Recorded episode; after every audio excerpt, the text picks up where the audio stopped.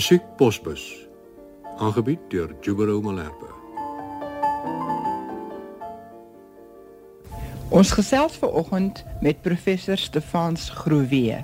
Geen onbekende in hierdie land van ons nie en ook geen onbekende in vele oorseese lande nie en veral in Amerika waar hy ek dink dit was 18 jaar nes. Ja, dit is al 18 jaar. Die rede waarom ons nou eintlik met jou gesels is jy het 'n kroonjaar bereik moet ek sê hoeveel?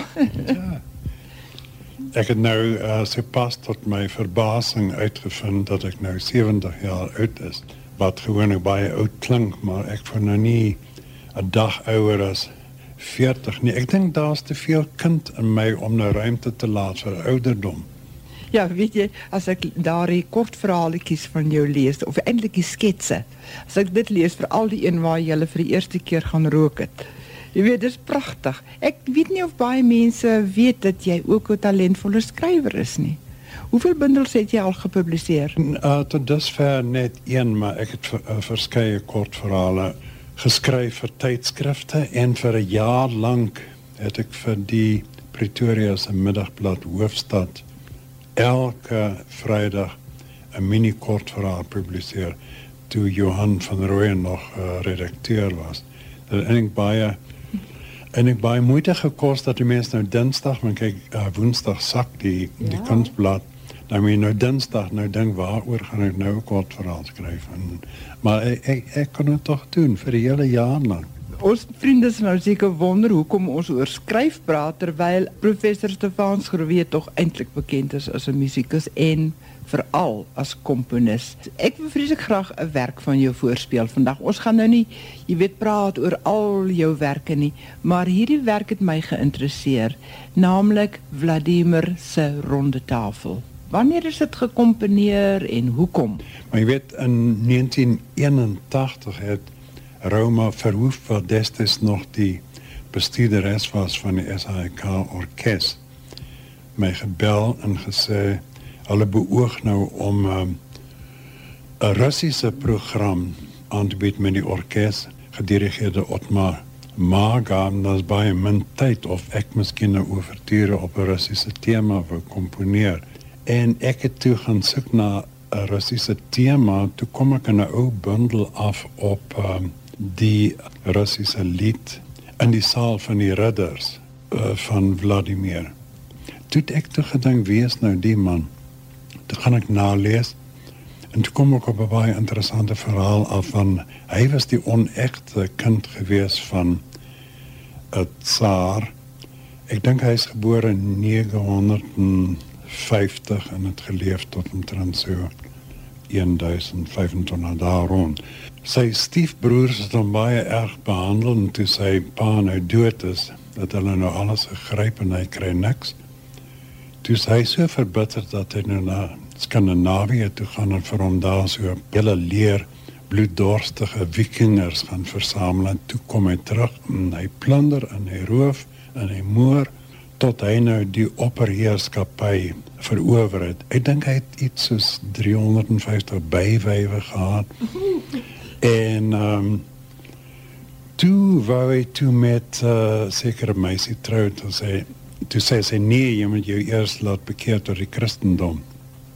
Dit het gesê, nou ja, goed, as jy kan kry dan sal ek alles doen. Maar dit het werklik tot bekering gekom en so berou getoon vir sy bloeddorstigheid en vir sy roof en moordtogte dat hy toe kerke opgerig het en hospitale. Dis eintlik 'n baie mooi verhaal gewees. Toe ek toe 'n toondig daarop gemaak wat bestaan uit 5 dele dit eindig dan met 'n uh, uh, boetedoening onder die vaandel van die kruis. Nou kom ons luister waar hy die hof maak aan Dragmulde.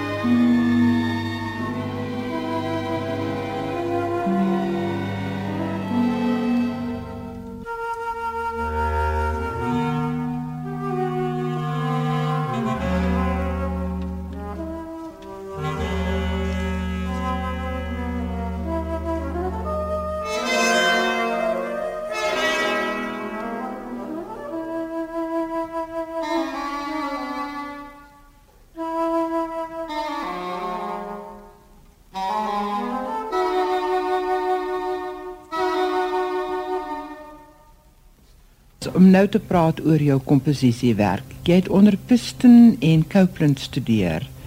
En jou eerste werke het vir my 'n ander atmosfeer as jou latere werke wat jy nou hier in Suid-Afrika komponeer. Sou jy sê dat die Afrika omgewing jou beïnvloed het?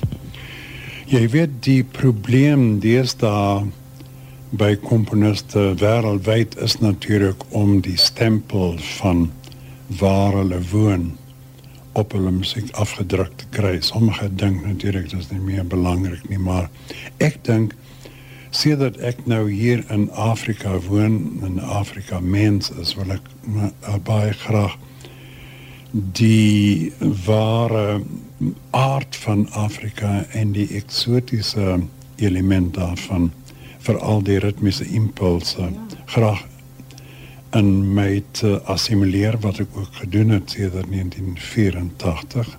Dus my musiek is nou 'n um, mengsel van die etniese impulse uh, getemperd deur die westerse tegniese uh, aspekte. Ja, selfs in jou vioolsonate gebruik jy mos 'n tema wat jy as kind gehoor het van die manne as hulle so kap in die strate. Ja, ja. Daardie tema kom natuurlik aan die einde van die werk voor, maar elemente daarvan kom al vroeër in die stuk voor. Dus dit is daardie losdrade wat ek vanaf eintlik vanaf die begin laat lei het na die finale toe waar jy dan vir die eerste keer die tema hoor. Nou ons speel dan die slotgedeelte van die konsert vir viool en orkes van Stefans Groewe. Die solis is Annie Kosman en die SAUK Simfonieorkes staan onder leiding van Anton Hartmann.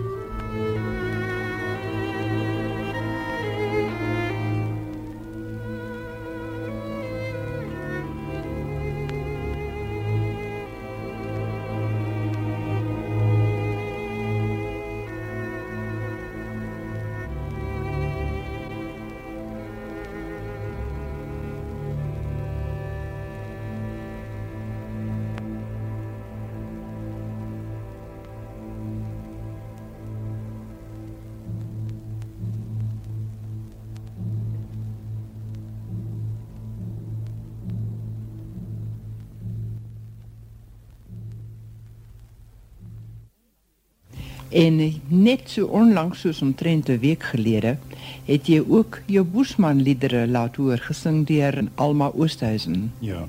Ja. Die is uh toonsettings van uh poësie van um uh, Eugène Marais en Abraham Fouché. Die uh, dis 'n natuurlike opdragwerk gewees van die Stichting vir die Skepende Kunste. En hulle het ook gevra dat dit moet wees vir strykkwartet met klavierbegeleiding. Nou kom ons luister na een van hierdie pragtige liedere. Dis Alma Oosthuizen wat die sopran is en sy word bygestaan deur strykkwartet en klavier onder leiding van Etienne van Rensburg.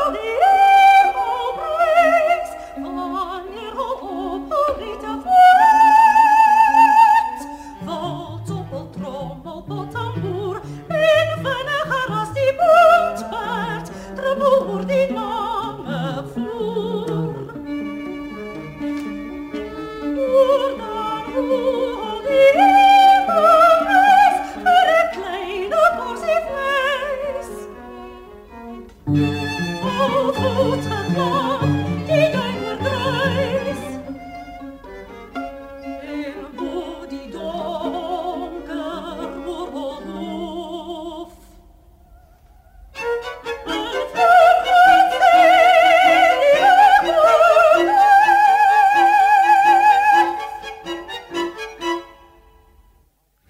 dan weet ek ook natuurlik van die Afrika danse of liedere en danse uit Afrika wat voorgeskryf was vir die internasionale klavierkompetisie.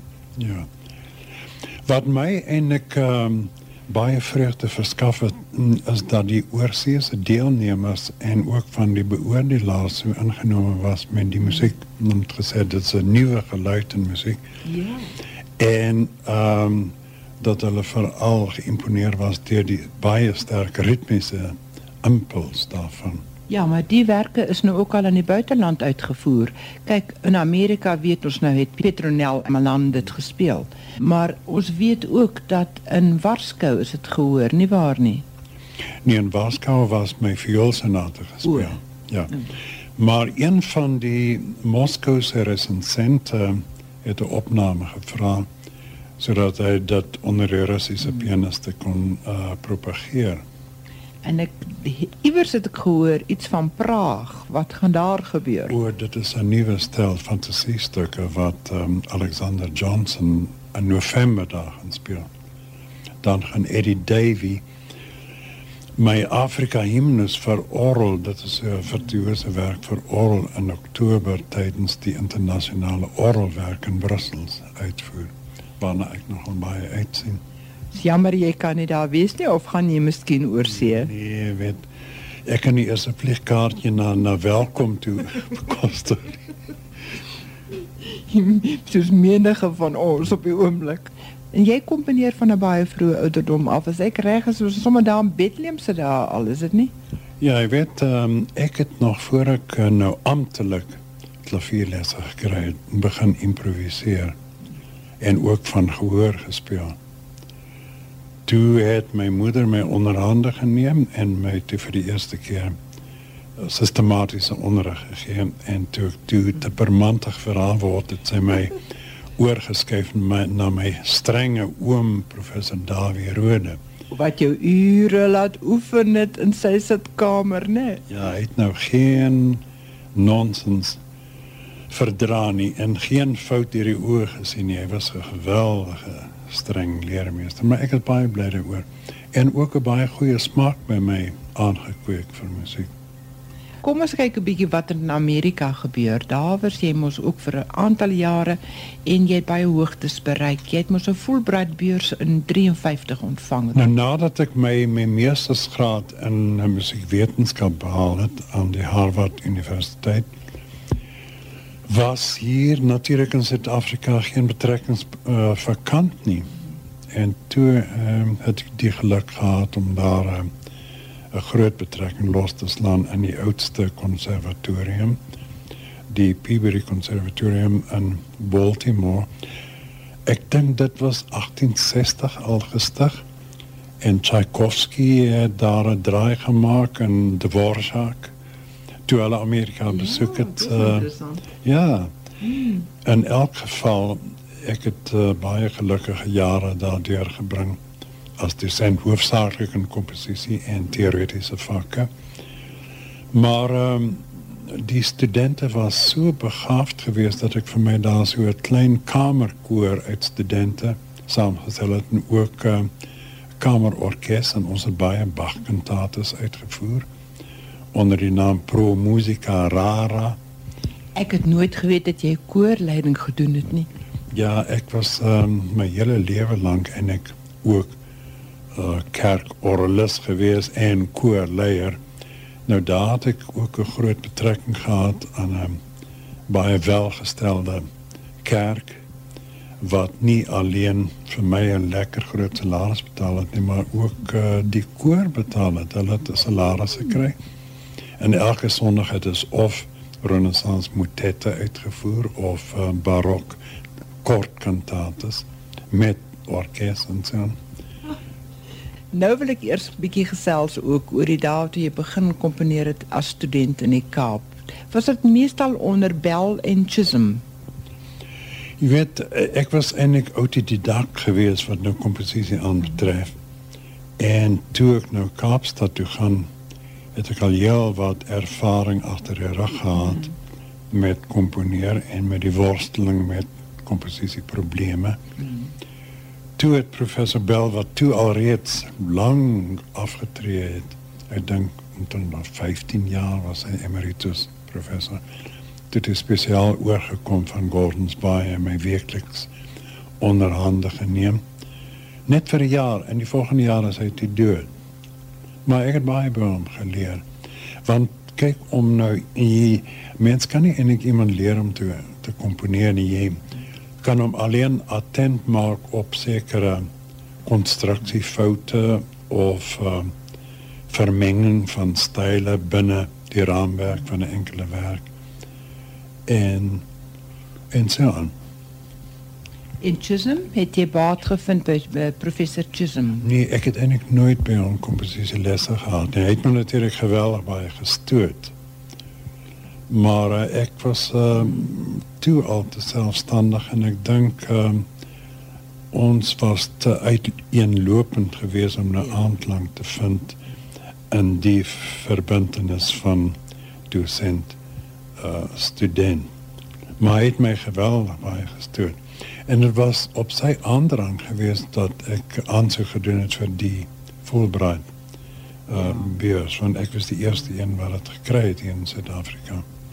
Nou, maar kyk, dat, uh, dit word beskikbaar gestel vir elke dissipline, nie net vir musiek nie, vir elke dissipline. Ja.